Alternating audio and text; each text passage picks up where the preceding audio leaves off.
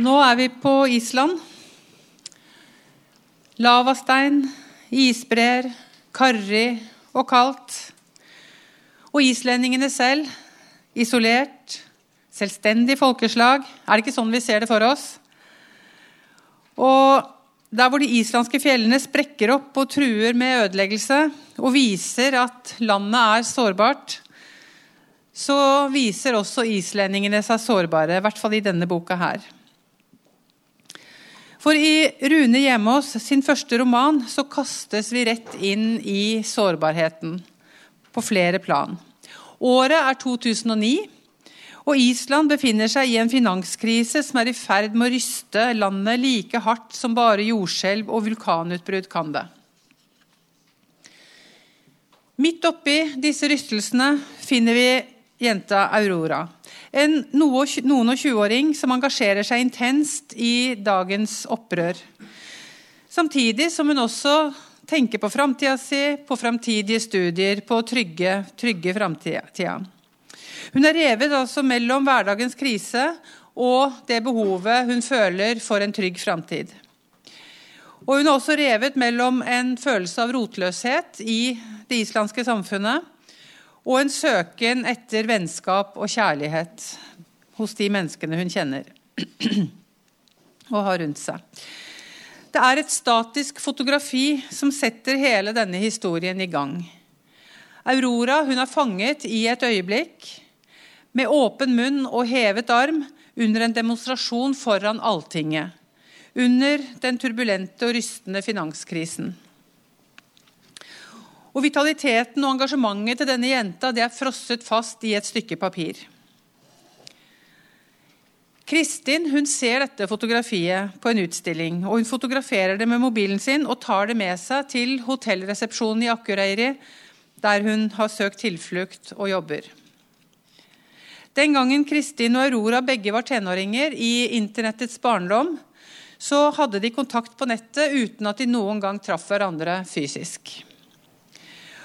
Og mens Kristin har valgt å søke tilflukt i en resepsjon i Akureyri, der hun møter mange folk, men bare folk som kommer og går, og som aldri vil komme til å angå henne, så er Aurora derimot i stadig bevegelse og på jakt etter handling, noe å engasjere seg i, i vennskap og kjærlighet og nære relasjoner. Eller er hun egentlig det? For her må vi si noe om forfatterens fortellergrep. Hele historien om Aurora den fortelles nemlig fra resepsjonen i Akureyri. Kristin står i resepsjonen på hotellet og betrakter dette fotografiet av Aurora. Et bilde som utstråler bevegelse, vitalitet, handling. Og så begynner hun å skape historien om Aurora, sånn som hun tenker seg at den må være.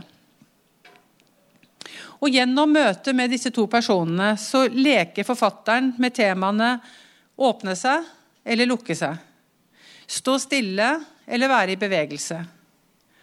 Flykte fra eller gå inn i. Og Det er et spennende og underfundig fortellergrep som også stiller spørsmål om hva som egentlig er virkelig. Dette kan kanskje høres ut som en litt komplisert fortelling, men det er det ikke. Historien flyter lett og elegant gjennom sidene, og Aurora hun framstår som en helstøpt person også i Kristins fantasi. Mens Kristin selv derimot hun framstår konturløs og vag, men så er jo også hun den som har satt livet litt på vent og flyktet fra og satt livet på vent, ja. Det blir radio. Altruisme betyr ifølge Bokmålsordboka uegennytte, nestekjærlighet, det motsatte av egoisme.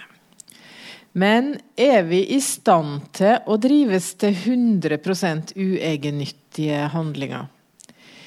Er vi ikke i det minste ute etter betaling i form av den gode følelsen av mening, av å være av verdi for andre? For flere år siden ble jeg anbefalt å lese den romanen til Katrine Knutsen som heter 'Manuell', men eh, gjorde det aldri. Nå, etter etter å ha lest Den siste hjelperen, så tenker jeg at det rådet burde jeg ha fulgt. Nå har jeg den heldigvis til gode, for for en forfatter Katrine Knutsen er. Denne boka har et fantastisk språk og ei underlig sær og allikevel jordnær handling som reiser masse spennende problemstillinger, bl.a. rundt det her med uegennyttige handlinger. Kort fortalt så befinner vi oss i nær fremtid i et samfunn som er ganske likt vårt eget. Et par driver en gård med genmanipulerte geiter. Når mannen dør, må kvinna ta en jobb der ungene blir overlatt altfor mye til seg sjøl, så hun selger ei nyre for å få råd til å være mer hjemme. Selge ei nyre, altså. Det er vel ikke spesielt altruistisk. Det er i hvert fall rasjonelt å bytte tjenester, tenkte jeg da når jeg leste den her. Særlig når det en får tilbake, blir til et gode for flere, som tid sammen med barn en har ansvar for. Men kvinna bryter en kodeks her ved å ta seg betalt, for hun har blitt trukket inn i et altruistisk forbund. En slags losje av engler i hvite silkevester, som bl.a. er opptatt av organdonasjon. I spissen for denne altruistiske losjen står Gina, en meget effektiv fotballmamma med et omsorgstalent av en annen verden.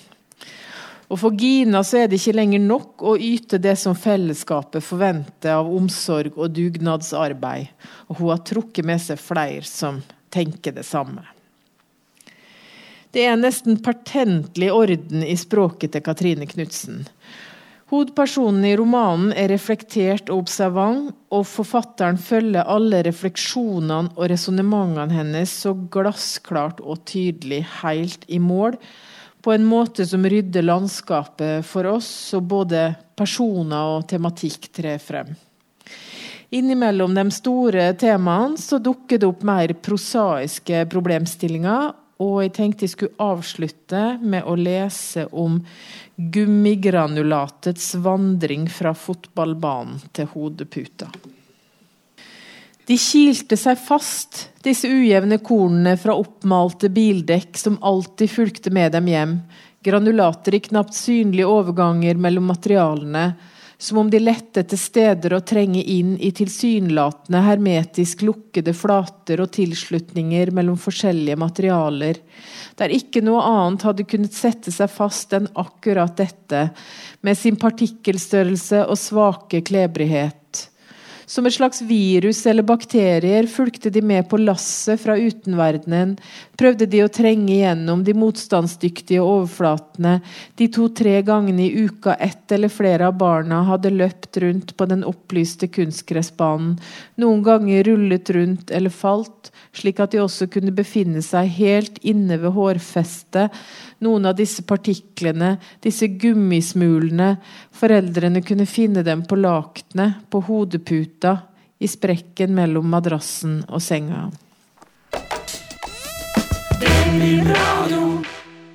Historien om Joshua French og Kjostov Moland den har vi hørt før. Mange, mange ganger. Denne gangen, i denne boka, så framstilles den i romansform av Nicolai Frobenius. Og den fortelles på en måte der forfatterens egen tilstedeværelse i teksten utvider og belyser og ender opp med å bli noe helt annet enn det dette egentlig skulle bli. Jeg skal forklare. Fordi Frobenius han drar til Kongo for å skrive et filmmanus om denne drapssaken i Kongos jungel. Det som skal bli til filmen, mordene i Kongo, som hadde premiere nå i oktober 2018. Han skal møte de to mennene, og etter hvert så er det jo bare én av dem igjen. Og Han skal snakke med dem, høre deres historie og altså skrive dette filmmanuset. Vel framme i Kongo så konfronteres han etter hvert med en ganske så stor tvil knyttet til hele dette filmprosjektet. Hva er egentlig sannhet, spør forfatteren seg selv, og hva er fiksjon i denne historien? Hva er løgn, og hva er sannhet i det disse to fangene forteller? Mens filmprodusenten han har en helt annen innfallsvinkel til dette. Husk at det er en film, sier han. Det er virkelig mennesker, mumler jeg og dreier på kaffekoppen. Jeg kjente meg svimmel. Jeg skjønner alt det der, sa Jasper, men vi må se større på det. Hva er realis realisme egentlig? Hva? Det skal ikke være en dokumentar, dette her. Det skal være en fiksjonsfilm basert på virkelige hendelser. En tydelig og spennende fortelling for et bredt publikum. Jeg sa det var mye jeg ikke visste. Ja, ja. Og det er mye vi må forske i og, ut, og finne ut av. Men jeg tror ikke du skal ha ambisjon om at det du skriver skal være 100% sant. Det er en sykdom det der at en biografisk film skal være absolutt sann. En strek er både en strek og noe annet, ikke sant? Jeg tok en slurk av kaffen. Jeg blir nervøs når du snakker om persepsjonsfilosofi.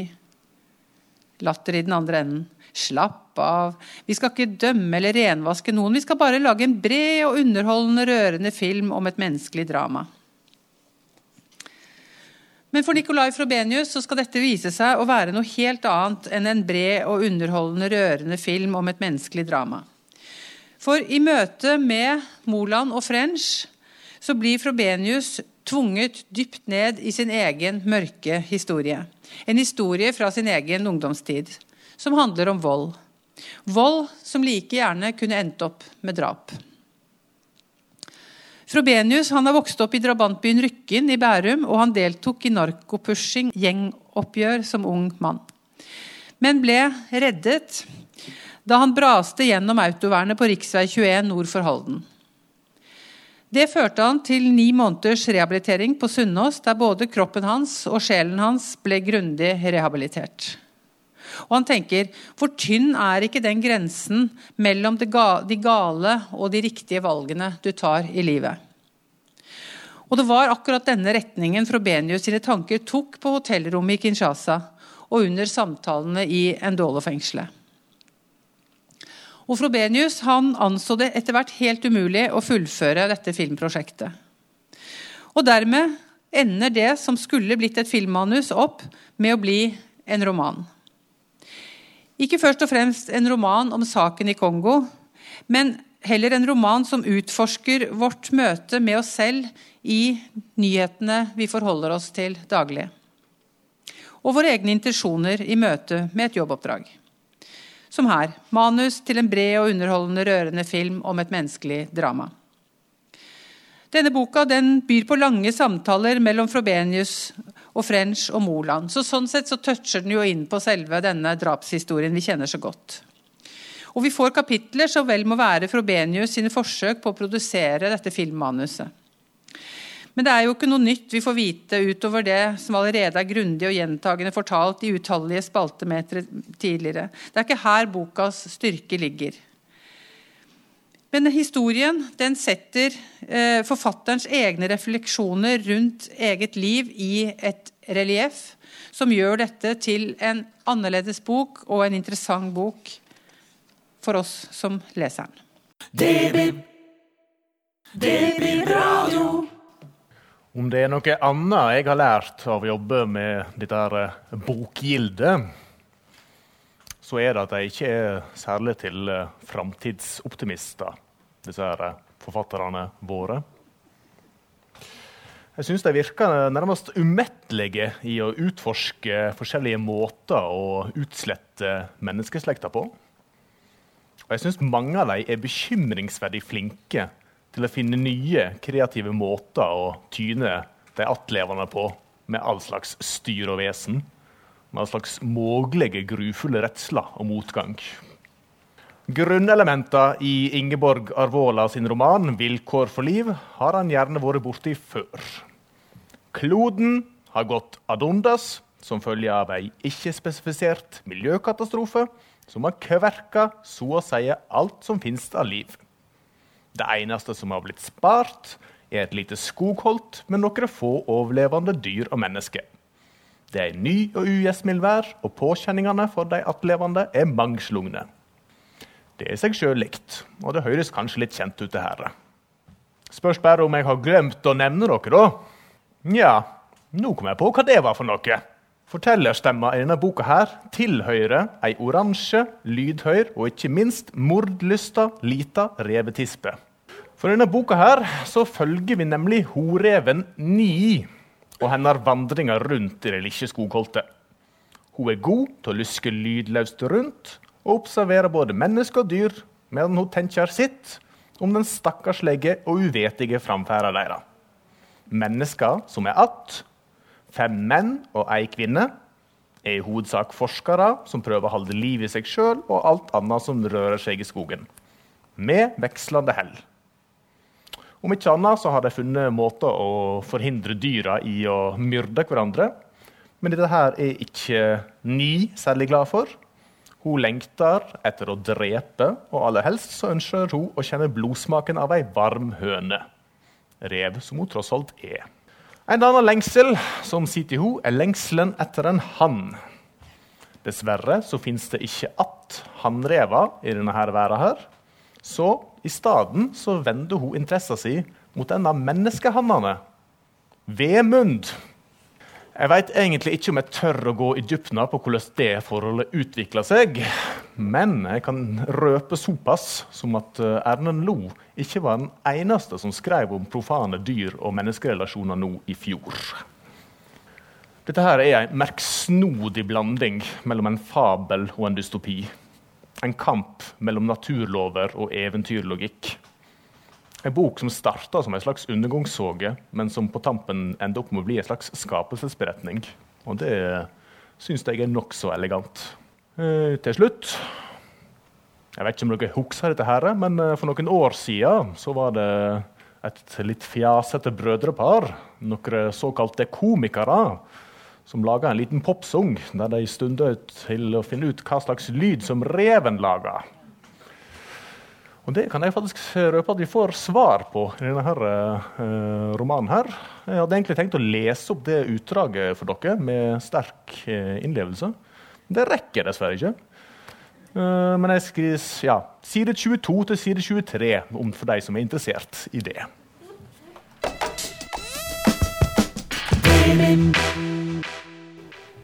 Person som ikke sier noe i en roman eh, der det ikke skjer noe.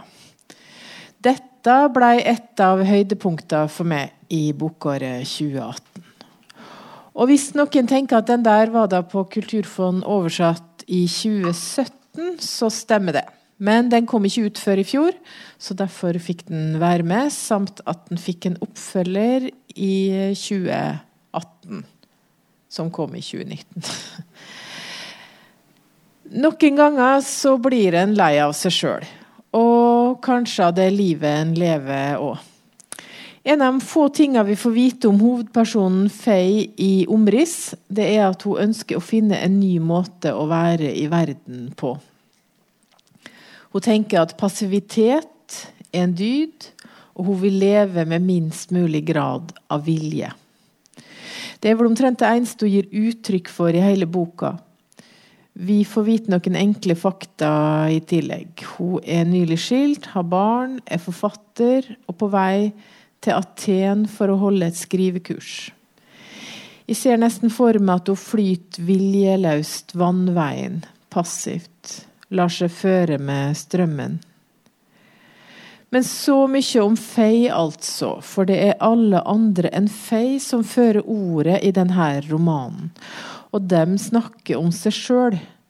Faye er opplagt et menneske som får andre til å snakke, men mange av oppfølgingsspørsmålene må være viska ut av forfatteren, for samtalene fremstår som monologer, og det får òg romanen til å virke veldig stille, for på en eller annen måte så får Køsk oss til å se mot den passive, men lyttende Faye, og ikke alle de her andre Sidemannen på flyet, den gamle vennen i Aten, studentene til Fay, dama som skal overta leiligheten hun har leid i Aten.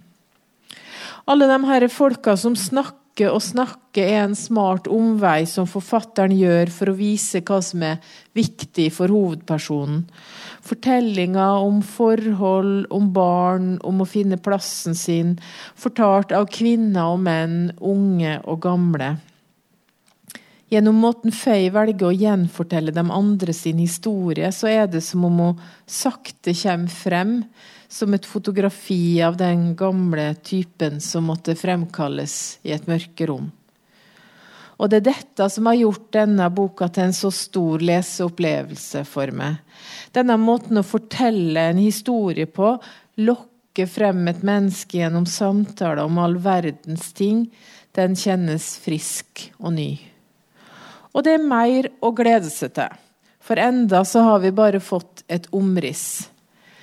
Dette er den første boka i en trilogi. Den andre boka om Faye, 'Transit', kom til bibliotekene i januar, siden han var på KFO-lista for 2018.